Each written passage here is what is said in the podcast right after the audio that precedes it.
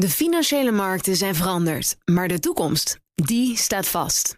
We zijn in transitie naar een klimaatneutrale economie. Dit biedt een van de grootste investeringskansen van onze generatie. Een kans voor u om mee te groeien met de pioniers van morgen. Meer weten? Ga naar carbonequity.com. Carbon Equity. Do good by investing better. Beleggerspanel. Beleggers werden blij verrast door de laatste resultaten van Justy Takeaway. Kunnen we meer van dat soort verrassingen verwachten dit cijferseizoen? En hoe reëel zijn de plannen van Brazilië en Argentinië om te komen tot een gemeenschappelijke munt?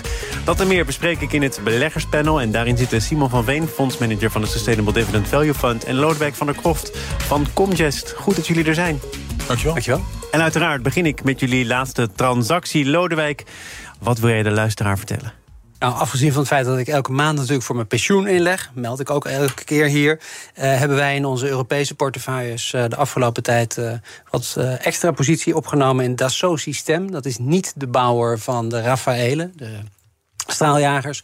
Maar de CAD-CAM-bouwer komt wel uit de Dassault groep. En een CAD-CAM, dat is uh, zeg maar ja, technisch uh, tekenen op een, uh, op een PC. Nemetschek is een Duitse variant daarvan. En ook daar hebben we de positie wat van opgehoogd. En kun je verklaren waarom? Uh, het zijn beide aandelen die het afgelopen jaar vrij moeilijk hebben gehad. Uh, het zijn hardgroeiende bedrijven. En hardgroeiende bedrijven hebben het in 2022 uh, lastig gehad. En we denken dat het eigenlijk met die bedrijfsvoering heel goed gaat. En uh, als dat daar maar goed mee gaat, dan moet dat aandeel ook weer herstellen. Maar zouden die hardgroeiende bedrijven het in 2023, en we komen zo meteen nog te spreken over het cijferseizoen, het niet net zo moeilijk houden? Nou, wij denken dat uh, de koersontwikkeling van beide bedrijven losstaat uh, over het afgelopen jaar ten opzichte van de fundamentele ontwikkeling. En dat komt natuurlijk wel vaker voor. Uiteindelijk moet dat bij elkaar komen op de lange termijn. Op de korte termijn is dat niet het geval. En daar wil je als belegger natuurlijk op inspelen. Jij wilde ook op iets inspelen, Simon. Je had er ook iets meer tijd voor kunnen nemen. Namelijk. Ja, uh, Thomas, geen uh, transactie van, mij te, deze, van mijn kant deze keer, maar wel een uh, actie. We hebben onze aandelen DSM aangemeld voor de omwisseling in het nieuwe aandeel DSM Firmenich. in verband met de ja, op, op handen zijnde fusie van de Nederlandse en het Zwitserse bedrijf. Is dat dan wel zo, hè? als die aanmeldtermijn verlengd wordt? Ik geloof dat het iets te maken heeft met de toezichthouders die zich er nog over moeten buigen. En in India is er geen toezichthouder, dus duurt het allemaal langer. Ja, dat was het bericht hè, de afgelopen dagen dat de, de aanmeldingstermijn wat verlengd is. En dat het uh, feitelijk dus uh, iets achterstand in het hele fusieproces ontstaan is. Omdat er overal in de wereld toestemming is voor de fusie, behalve in India. En, en nou, klaarblijkelijk in India moet de voorzitter van de toezichthouder uh, zelf zijn toestemming geven. En dat is een vacature op dit moment. Dus daar, daar zoeken ze nog even iemand die. Ja, die, die maar verder geen, geen reden tot wat uh, fundamentelere twijfel. Ik nee. heb ook wel wat, wat analyses gelezen en reacties gezien van deze zag ik even niet aankomen. En het nu gooien op een toezichthouder in India die ontbreekt, dat is toch wel ah, prutwerk. Kijk, zo'n zo, zo fusieproces bestaat uit uh, heel veel uh, kleine stapjes en, en heel veel gebeuren buiten het zicht. En dit keer is het. En, en ja, soms loop je met een paar stapjes vertraging op. En om een voorbeeld te geven, begin van deze maand was er de definitieve toestemming voor uh, de verkoop van de laatste chemieactiviteiten van DSM. Hè. En, en ook dat zeg maar, was uh, in instantie even uitgesteld. En dachten mensen, oh jee, oh jee, straks gaat het niet door. En dan zit DSM met en die chemieactiviteiten en een grote schuld. En dan hebben ze geen overbruggingskrediet. En oh ja, paniek. Hè. Uh, maar uiteindelijk, die toestemming kwam gewoon. En, en na een paar dagen zag je het koers weer. Dus dat, dat de, de koers een beetje naar beneden gaat. Na die aankondiging dat het nog even duurt dat die aanmeldtermijn verlengd is. Dat zijn dus mensen die toch enige onzekerheid lijken te voelen. Maar jij kunt ze geruststellen. Ja, ik, de kans is groot dat het gewoon doorgaat. Ja, heel groot. We gaan naar het uh, cijferseizoen. Dat is in uh, volle gang inmiddels. Nou, begint op stoom te raken, kun je ook zeggen. Met nu al de nodige verrassingen. Just die Takeaway boekte meer winst dan analisten hadden verwacht. En uh, ook ander groot fondsen nieuws. Het Amerikaanse hedgefonds Citadel boekt het afgelopen jaar de hoogste winst voor een fonds ooit. 16 miljard, terwijl branchegenoten het een stuk slechter deden. Laten we in eigen land beginnen bij Just Eat Takeaway. Daar gaat het over een aangepaste bruto winst, EBITDA, van 150 miljoen euro. Allereerst eventjes daarover, Lodewijk. Wat zegt dat nou eigenlijk over de staat van het bedrijf. Ik zag in allerlei uh, stukken ook voorbij komen winst, maar dan wel tussen haakjes gezet, omdat het natuurlijk ook een soort boekhoudkundige keuze is om dat als winst ja. te presenteren. Ja, de, de EBITDA, dat is earnings before interest, taxes, depreciation en amortization. Je kan ook zeggen earnings before bad stuff. Um, uh, maar die uh, was aanzienlijk hoger dan uh, waar de markt rekening mee had gehouden. En daar werd het aandeel voor beloond. Um, Ik denk dat Just Eat uh, uh, stappen zet die nodig zijn in de huidige markt, waarin uh, rentes hoger zijn, waar beleggers zeg maar, niet meer willen wachten op winst in de toekomst. Um, en daar hebben ze een aantal grote stappen gezet de afgelopen tijd. En die stappen zijn bijvoorbeeld je terugtrekken in landengebieden waar het allemaal niet zo vlot verloopt, waar je geen marktleider wordt, aantal wel kosten maakt. Ja, verschillende maar... efficiencies intern kunnen realiseren. Het probleem van Just Eat is dat ze eigenlijk geld toelegden op elke order. En daar moet je natuurlijk vanaf. Eh, dus op het moment dat het aantal orders afneemt, dan zou je kunnen zeggen, nou neemt verlies daarmee ook af. Maar tegelijkertijd moet je natuurlijk ook wel ervoor zorgen dat je uiteindelijk op die gemiddelde omzet van 30 euro ongeveer is het per order. Uh, daar moet je natuurlijk wel voldoende geld op blijven verdienen. zonder dat het de kosten te hoog worden. Want ja, dan gaan mensen natuurlijk op een gegeven moment weer zelf halen. Ja, maar ook uh, bezorgers zullen toch uh, gezien de oplopende inflatie. een iets betere vergoeding willen. Dus dan gaat het er vooral om dat je die bezorgers die onderweg zijn. slimmere, beter renderende ritten laat maken? Ja, daar denk ik dat het op neerkomt. Beleggers zien, zien in ieder geval het weer wat zonniger. En hopen nog steeds dat ze ook goed nieuws over Git, GridHub gaan krijgen. Want dat is natuurlijk nog een, uh, een potentiële meevaller. Simon? Ja, wat ze dus ook gedaan hebben, is zeg maar, de tarieven gewoon verhoogd. De tarieven voor restaurants, uh, gewoon uh, ja, prijs omhoog. En uh, tot nu toe is het een hele competitieve markt. En, en, en heb je gezien dus dat, ja, dat de concurrentie dusdanig groot is dat tarieven laag blijven. Nu onder druk van aandeelhouders kiest Just Eat Takeaway ervoor om die tarieven te verhogen. Uh, en daardoor ja, marges te vergroten. Het is natuurlijk al een flinke strijd geweest met restaurants. Die vinden dat die pizzapunt, die Just Eat Takeaway daarvan afneemt, vanaf snoept, wel heel groot wordt. Maar hij kan dus nog groter worden. Hij kan nog groter worden. Maar de vraag is of de concurrentie daarin meegaat. Hè? Of dat die nu marktendeel uh, uh, winnen en Just Eat Takeaway marktendeel gaat verliezen. dat moeten we natuurlijk afwachten. Ehm, en dat, dat, dat weet je pas na verloop van tijd. Had je verwacht dat Just Eat Takeaway Jitse Groen iets meer zou zeggen over Grubhub? Lodewijk haalt het terecht aan natuurlijk. Daar hebben ze zich lelijk in verslikt. Eh, de afgelopen jaren, kunnen we wel zeggen, moeten afwaarderen. En nu lijkt het toch weer iets beter te gaan. Ja, afwaarderen. Het staat in de verkoop. Er zal een, een, een afschrijving genomen moeten worden. En natuurlijk had je waarschijnlijk willen horen dat er een koper is gevonden en, en dat het verkocht is. Want dan dat zal voor enorme opluchting zorgen eh, in de markt. Uh, zover is het nog niet. Dus nou, blijkbaar hoeft het ook niet dus tegen elke prijs. Jitse Groen blijft nu dan toch maar herhalen dat het inderdaad in de etalage staat, maar wel een zekere opbrengst moet genereren. Dat is ook een onderhandelingspositie natuurlijk. Ja, exact. Op het moment dat je natuurlijk zegt dat je er heel snel vanaf wil, dan zal dat niet helpen. En het... Dan helpt dat niet voor de prijs. Vertel mij alles wat u weet over Ken Griffin, Lodewijk. Wie is dat? Ja, Ken Griffin, uh, dat is de, de oprichter van Citadel, een hedge fund wat sinds 1990 bestaat. En uh, waar we denk ik in Nederland uh, pas echt van ophoorden toen hij zich nogal ferm uitliet over steun voor Donald Trump. Hij was een van de grote financiers achter Donald Trump. helaas voor, voor Trump heeft Griffin ervoor gekozen om DeSantis te gaan steunen in de komende verkiezing. Noemde Trump een three-time loser.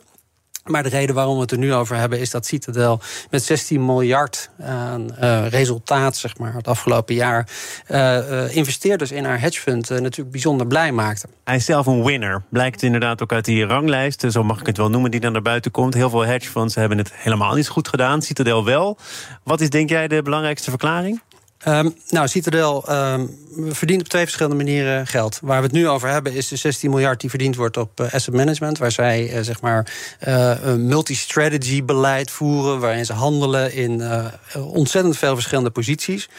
Maar ze hebben ook een securities afdeling. En die securities afdeling die is de laatste tijd wel in opspraak geweest. Omdat zij ondertussen 40% van alle US retail sales over hun desk zien gaan. En 25% van alle institutional trades in Amerika zien langskomen. En je zou kunnen zeggen dat dat een, uh, nou, een dusdanige positie is dat je daar ook je eigen posities op zou kunnen uh, innemen. Want je ziet nou eenmaal meer dan de rest van de markt. Um, maar het moet gezegd, uh, ze hebben het fantastisch gedaan het afgelopen jaar. Ja, want die 16 miljard die dan onder de streep overblijft... die is er voor de investeerders in dat fonds. En zelf uh, toucheren ze volgens mij 12 miljard aan, aan beheerskosten. Hè? Dus dat blijft er dan voor Citadel zelf over. Ja, aan beheerskosten en uh, wat ze op securities natuurlijk verdienen. Want dat, is, niet, dat komt niet ten goede aan de beleggers in het hedge fund. Ja, ik zie jou met een, met een veelbetekenende blik kijken, Simon... over de praktijken die Lodewijk net schetste. Is dat allemaal in de haak of niet? nou ja, Waarschijnlijk wel. Is geen aanleiding om, om uh, nu te zeggen dat het niet de haak is. Maar, maar ja, uh, er moet wel een, zoals dat heet, Chinese muur tussen die twee verschillende activiteiten staan. En ik kan me voorstellen dat er mensen zijn die daar nu vraagtekens bij zetten. En hoe komt het, uh, als ik het aan jou vraag, dat Citadel het zo goed doet en andere hedge funds het aanzienlijk minder goed doen? Nou ja, Citadel is long short. Hedge funds kunnen dus zowel long hè, positief in de markt aandelen hebben als short gaan en aandelen verkopen. En dat geldt trouwens ook voor hun obligatiestrategieën. En ze hebben gewoon beide heel goed gezien door eh, vorig jaar per saldo short te zitten in aandelen en obligaties. Uh, Had je er helderziender voor moeten zijn? Nou ja, uh, um, achteraf is dat natuurlijk. Uh, ja, we praten lekker achteraf. Ja, precies, precies. Kijk, uh, je moet er vooral veel lef voor hebben om, om, om, om dat te doen. Hè? Dus om die posities ook daadwerkelijk in te nemen. Natuurlijk kan je zeggen van ja, nee, maar de rente was heel laag en iedereen zag aankomen dat die rente wel een keer omhoog zou gaan. Dus dat is slecht voor obligaties en daarmee ook voor de aandelenmarkt. Maar ja, de rente was al hoeveel jaar negatief? Vijf, zes, zeven jaar, weet ik veel, zoiets. Uh, misschien wel langer. Uh, dus dat, dus dat uh, ja, de, je had heel veel jaar die positie in kunnen nemen en daar dan niets mee kunnen verdienen. En, en zij hebben het op het goede moment wel gedaan. Dus en, ook heel, en ook heel agressief. En heel agressief, ja. ja. Waarmee je dus incalculeert dat het heel goed kan gaan. Of maar heel slecht kan gaan. Ja. ja. En dan hadden ze ook op de voorpagina gestaan, alleen dan om andere redenen. Nog even buiten die hedge funds omgekeken naar het uh, cijferseizoen. Lodewijk, jij schitterde in een FD-artikel, niet voor het eerst overigens... over uh, teruglopende winsten bij Nederlandse en wellicht zelfs breder Europese bedrijven. Wat scheelt eraan? Nou, op zich eh, scheelt er aan de, voor het huidige cijferseizoen niet zo heel veel aan. Uh, voor de, ja, de Europese markt, waar wij dan naar kijken, uh, ziet het er eigenlijk best wel goed uit met die winstgevendheid. Dus ik deel zeg maar niet de zorgen die anderen hebben over de winstgevendheid voor de, voor de AEX. Um, maar voor, voor de MSCI Europe en alle grote bedrijven in Europa ziet het eigenlijk best wel goed uit, 2022. Eh, en de vraag is, wat gaat 2023 bieden? Want dat is uiteindelijk natuurlijk waar je als belegger vooral nu geïnteresseerd in bent, in de outlook. Um, en daar zijn de verwachtingen bijzonder laag uh, van, uh, van analisten. Want als je alle taxaties bij elkaar optelt, kom je precies op 0% winstgroei uit voor 2023. Nou, dat is niet heel erg hoog. Uh, dus wat dat betreft uh, zou je kunnen stellen dat uh, na twee jaar van oplopende winstgevendheid, waarin veel bedrijven in Europa profiteerden van het heropenen van economieën, dat we eigenlijk een pas op de plaats maken. Het is allemaal wel heel erg opgelopen. Is toch ook wel een deel van jouw conclusie? Ja, de Europese beurs is fors opgelopen ten opzichte van Amerika. Uh, er komt nog eens een keertje die dollar uh, komt er ook nog een keer bij. Uh, dus ja, voor het eerst sinds hele lange tijd hebben beleggers in Europese aandelen... en zeker Amerikaanse beleggers in Europese aandelen... eens een keertje lol van hun exposure naar Europa. Welk bedrijf ga jij nog in de gaten houden, eh, Simon? Want het merendeel moet nog komen. Ja, precies, het merendeel moet nog komen. In, in Amerika heeft nu 10% van de bedrijven in de S&P 500 gerapporteerd... waarvan overigens twee derde boven verwachting. Dus dat, dat was eigenlijk eigenlijk helemaal niet slecht, de start van het cijferseizoen. Moet ik altijd bij zeggen dat het ook iets zegt over de verwachting wellicht? Ja, nou ja, klopt. Die zijn niet, niet, niet al te hoog gespannen. Uh, als je kijkt naar, naar zeg maar, de bedrijven die wij in portefeuille hebben... Dan, en je kijkt naar, naar wat er tot nu toe bekend is gemaakt... Hè, dus laten we zeggen de afgelopen vier kwartalen... dan hebben die gemiddeld 15% winstgroei laten zien in die periode. Dus dat, dat, is, dat is eigenlijk helemaal niet slecht. Um, tenzij het vierde kwartaal heel slecht wordt, maar dat verwacht ik niet. Dan, dan komt er gewoon een mooi cijfer uit over, over vorig jaar. En dan voor komende jaar, ja, het wordt voor, absoluut voor, voor sommige bedrijven wat moeilijker. Als je de volumes terug ziet lopen uh, en tegelijkertijd de kosten stijgen, dan heb je een moeilijk businessmodel. Aan de andere kant, als je een bedrijf hebt wat in staat is om de hogere kosten door te vertalen naar hogere prijzen voor de consumenten, zonder dat dat nou heel veel volumes kost. Uh, ja, hoeveel bedrijven zitten in zo'n positie? Nou ja, wij, hadden net, wij zaten net tegenover elkaar hier buiten. Oh, daar is het allemaal gebeurd. En, allemaal buiten al gebeurd. En ja, ja, ja, ja, even een voorbespreking. ik gaf een voorbeeld van een bedrijf wat, eh, nou ja, eh, wat hebben we hier ook wel eens besproken. Asset wat producten op basis van papier maakt. Wat vorig jaar in de eerste helft van het jaar een enorme stijging van de inkoopkosten zag. Uh, omdat die pulpprijzen zo hard gestegen zijn. En daarna, uh, omdat ze een, een, een gemiddelde looptijd van contract hebben van een jaar. Daarna het hele jaar bezig zijn geweest met die prijzen te verhogen. Ja, dat, dat duurt dan een jaar voordat je alle contracten vernieuwd hebt tegen hogere prijzen. Dus pas in de eerste helft van het komende jaar ga je zien dat die marges weer zullen herstellen. We gaan naar deel 2 van dit panel. Misschien hebben jullie daar ook al uh, je gedachten over laten gaan. Ben benieuwd. Beleggerspanel wordt mede mogelijk nou, gemaakt door Annexum. Al meer dan 20 jaar de aanbieder van vastgoedfondsen iets te ambitieus. Dat is het einde van het panel. Maar daar zijn we nog helemaal niet. Want eh, Lodewijk van der Kroft en Simon van Veen uh, zitten nog een kwartiertje vast in deze studio. En gelukkig maar. Brazilië en Argentinië hebben plannen voor een nieuwe gezamenlijke munt. Genaamd de SUR, oftewel Zuid. En die munt zou in eerste instantie moeten bestaan naast de Braziliaanse real en de Argentijnse peso.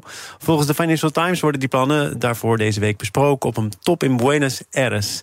Het zijn plannen. En voordat we dan misschien ooit kunnen spreken over de SUR, zijn wij, uh, als je kijkt naar de ontstaansgeschiedenis van de euro zo'n 30, 35 jaar verder. Maar laten we beginnen bij het begin. Lodewijk, is het überhaupt een serieuze gedachte waard? Nou, ik moet eerlijk zeggen, ik vind het een verrassende gedachte. En uh, wordt door de minister van Financiën van Brazilië en van Argentinië wordt gezegd dat het een project is met een lange adem. Nou, dat lijkt mij een, uh, eufemisme in dit geval. Als je ziet hoeveel moeite het heeft gekost om in Europa tot een uh, ja, currency unit te komen. Ah, misschien hoeven hier wat minder landen over na te denken. Nou, mijn eerste reactie toen ik hoorde dat Brazilië en Argentinië samen gingen werken op dat vlak was uh, de lamme helpt de blinden. Uh, want laten we eerlijk wezen, Argentinië zit natuurlijk al decennia lang in het verdomhoekje. Onder toezicht van het IMF. Uh, dus dat is natuurlijk niet echt een hele sterke partner om vervolgens in een muntunie mee te gaan. Nee, en dan heb je ook nog inflatie, ik geloof 80, 90 procent. In ieder geval de Nederlandse inflatie verbleekt erbij. Dus probeer je dan toch te verplaatsen in de Brazilianen... die hier een geschikte partner in zien. Waarom zou dat zo zijn? Nou, het zijn, uh, ze hebben onderling hebben ze wel nodige handel met elkaar. En daar, daarmee zou natuurlijk de handel geholpen worden... als je niet de hele tijd je zorgen moet maken over de valutakoers... Uh, tussen peso en uh, reais. Um, dus daar valt wat voor te zeggen. En anderzijds zie je natuurlijk ook dat op verschillende fronten er geknaagd wordt aan de hegemonie van de Amerikaanse dollar. En dat speelt hier natuurlijk ook een rol. Want uh, ja, Latijns-Amerika, als ze ergens iets goed in uh, doen, dan is het in commodities, in grondstoffen. En ze zouden natuurlijk heel graag zien dat ze meer in hun eigen valuta worden afgerekend in plaats van in Amerikaanse dollars. Wat uh, ja, toch nog steeds 80% van alle wereldhandel. Uh, nou, zeker dan, dan mag je dus best beginnen aan een experiment waar een iets langere adem voor nodig is, toch? Als je van die dollarafhankelijkheid af wil. Ja, maar ik zou uh, mijn adem dus niet inhouden uh, om de introductie van de Soer uh, eerdaags te verwachten. Dat gaat nog wel heel lang duren als het gaat lukken. Als het überhaupt gebeurt, gaat heel lang duren. En ja, ook die handel, zeg maar, hè, moet je nou. Kijk, voor Argentinië is Brazilië inderdaad de uh, belangrijkste handelspartner. Maar andersom is dat, is dat helemaal niet het geval. Hè. Daar staat Argentinië op plaats 4, geloof ik. En dat is, dat is precies één plaats boven Nederland. Hè. Nederland is de uh, vijfde handelspartner van Brazilië. Uh, dus, dus landen als de Verenigde Staten en China zijn voor, voor Brazilië veel belangrijker. Um, dus, dus ja, dus voor, voor een klein deel van je handel ga je, ga je het dan makkelijker maken, faciliteren, minder onzekerheid inbieden. Maar je levert er heel veel voor in. En dat, we zien die problemen in Europa natuurlijk regelmatig langskomen. Dat je ja, die, de, de vrijheid om je, om je wisselkoers aan te passen als dat nodig is, lever je in. En, en, en dat zijn wel dingen die in uh, Brazilië, Argentinië in het verleden natuurlijk regelmatig aan de orde zijn. Dus uh, de vraag is of de voordelen wel opwegen tegen de nadelen. 2053, dan uh, spreken we elkaar wellicht. Maar uh, jullie hebben er weinig fiducie in. Ik uh, zie je graag in 2053 en dan gaan we ja, het er weer over hebben. Ja, leuk. Nou, dan kunnen we het nu hebben over de actualiteit van dit moment, namelijk Genesis. dat lijkt dan toch echt failliet. Vroeg Surse Jansen van betaling aan. dat is nu inmiddels wijd en zijd verspreid. Onvermijdelijk, Simon? Ja, nou ja, de, de, de, kijk, ik weet niet precies of deze situatie Genesis onvermijdelijk is, maar, maar wat je natuurlijk ziet, de vorige keer toen ik hier was, toen hadden we het over uh, FTX, want dat, dat was toen aan de orde. En, en nu is het Genesis. En, ja, ja domino steentje voor domino steentje. Ja, nou, en, maar dat, jou toch maar dat is het natuurlijk. Hè, die die, die uh, cryptobeurzen, die zijn, cryptobedrijven in het algemeen, die zijn met elkaar verbonden op een manier waardoor niet als er één wegvalt, de andere een voordeel heeft omdat ze meer marktendeel kunnen krijgen, maar, maar omgekeerd. Uh, ja, ze hebben allemaal uh, belangen in elkaar. En, en als er dus één omvalt, dan hebben de anderen ook verliezen. Uh, het lijkt heel erg op ja, de bankencrisis uit 2008, 2009. waarbij de banken ook onderling verbonden waren en, en dreigden allemaal om te vallen. Het grote verschil is nu dat er toen een, een, een regelgever was, een, een toezichthouder, die zei van we gaan kosten wat kost voorkomen dat er een ja, dat probleem overslaat. En we gaan uh, nou ja, die liquiditeit uh, in de markt uh, pompen. En overheden waren die zeiden van nou, we gaan equity in die banken pompen. En die twee dingen samen hebben zeg maar, de crisis opgelost. En nu bij deze cryptobedrijven. Ja, ik zie geen liquiditeitsverschaffer en ik zie ook geen equity-verschaffer. Dus het lijkt me heel moeilijk. Dus er volgen nog heel veel meer domino-steentjes. Die kans is heel groot. En ja, het, het cynische aan het geheel natuurlijk is, is dat uh, datgene wat veel crypto-beleggers natuurlijk voorstonden, dat ze onafhankelijk van overheden zouden kunnen opereren. Ja, dat blijkt dan nu zeg maar een probleem te zijn. Want als je ja, wel dat toezicht had gehad, dan had je, zoals Simon aangeeft, nog die lender of last resort gehad. Je ziet natuurlijk nu wel dat de SEC zich heeft gemeld uh, bij Genesis, bij uh, Gemini, uh, van de gebroeders Winklevoss. omdat er toch sprake zou zijn van misleiding, het niet goed delen van bepaalde informatie. Dus er zijn wel toezichthouders, maar wellicht te laat en op verschillende vlakken. Die proberen hier enige ja, die, grip op te houden. Die komen verkeersboetes uitdelen, maar ik denk niet dat daarmee het ongeluk voorkomen gaat worden. Nee, dat is een mooie parallel. Maar uh, is dit dan de opmaat naar meer? Hè? Dus van die verkeersboetes naar toch stringenter toezicht? Ja, maar daarmee is natuurlijk ook het einde van het vermaak van de cryptocurrencies. Want het was niet het hele idee dat het los stond van overheden... en dat je niet afhankelijk was van overheden en uh, toezichthouders. En ja, dan uh, is denk ik de bezit van de zaak einde van het vermaak over het bezitten van de zaak en waar dat bezit zich dan op dit moment bevindt. Uh, Bitfavo, toch nog even naar de Nederlandse component van dit drama, dit aangekondigde drama. Uh, verwacht jij dat de mensen die geld hebben, muntjes hebben bij Bitfavo, die muntjes en dat eraan gekoppelde geld terug zullen krijgen, Simon? Nou, eh, eh, zonder nou een, een, een crypto-bankrun te willen veroorzaken. Nou, je zou niet de eerste zijn hoor. Nee, maar, maar ik, ik, ik, ik denk dat het Bitfavo is een van de uh, grote schuldeisers bij Genesis. Uh, de kans dat die hun volledige uh, bedrag terug gaan zien is, is heel klein. Ehm, eh, dus hopelijk uh, ja, kan er iemand equity storten om, om dat probleem zeg maar, op te lossen bij uh, Bitfavo. Ja, dat de oprichters? Hè? Nou ja, daar wordt natuurlijk al lang over gesproken. En dan is nu de vraag: is dat dan in de vorm van een lening of is dat echt kapitaal? Um, overigens las ik, ik meen vandaag nog in het FD dat partners van Bitfavo nu al zeggen: haal je geld daar weg. ik weet niet of je dat kunt vertalen als een bankrun, maar dat zijn toch ook geen positieve signalen, Lodewijk? Nee, maar ja, het probleem is, we zijn met Voyager, Celsius, Three Arrow, Capital. Uh, Heb jij zijn, gedaan? ja, er zijn zo ongelooflijk veel partijen die allemaal onderling verweven zijn gebleken. En het is een kaartenhuis. Uh, domino, stenen vallen langzaam maar zeker allemaal om. Dus het is niet zo heel erg raar dat nu iedereen uh, zijn eigen hachie probeert uh, te redden. En dat is natuurlijk wat vaak tot de grootste problemen leidt. Op weg naar de nooduitgang worden de meeste mensen vertrappeld. Toch nog heel even een, een, een zijweggetje. Want ik geloof dat de koers van de bitcoin, ondanks al dat tumult, omhoog gegaan is. Is dat nou vreemd, Simon, of niet? Ehm, nou, blijkbaar zijn er nog voldoende mensen die vertrouwen hebben in die munt om daar uh, geld in te stoppen.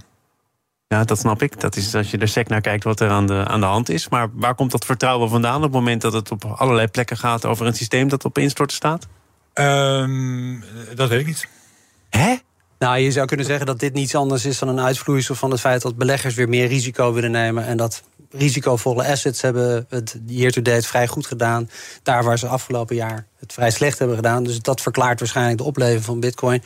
Maar ja, de structurele uh, belangstelling voor bitcoin zal natuurlijk wel ernstig lijden onder dit soort faillissementen. Lodewijk van der Kroft van Comgest en Simon van Veen van het Sustainable Dividend Value Fund. Dank voor jullie bijdrage aan dit beleggerspanel. Beleggerspanel wordt mede mogelijk gemaakt door Annexum. Al meer dan 20 jaar de aanbieder van vastgoedfondsen. Dit panel is ook eh, te beluisteren als podcast. Steeds meer mensen doen dat. En dat komt omdat ze zich hebben geabonneerd via een favoriet kanaal of via de BNR-app. Dus volg dat voorbeeld. Zometeen hoor je het laatste nieuws uit Oekraïne van onze buitenlandcommentator Bernard Hammelburg. De financiële markten zijn veranderd, maar de toekomst, die staat vast. We zijn in transitie naar een klimaatneutrale economie. Dit biedt een van de grootste investeringskansen van onze generatie. Een kans voor u om mee te groeien met de pioniers van morgen. Meer weten? Ga naar carbonequity.com. Carbon Equity. Do good by investing better.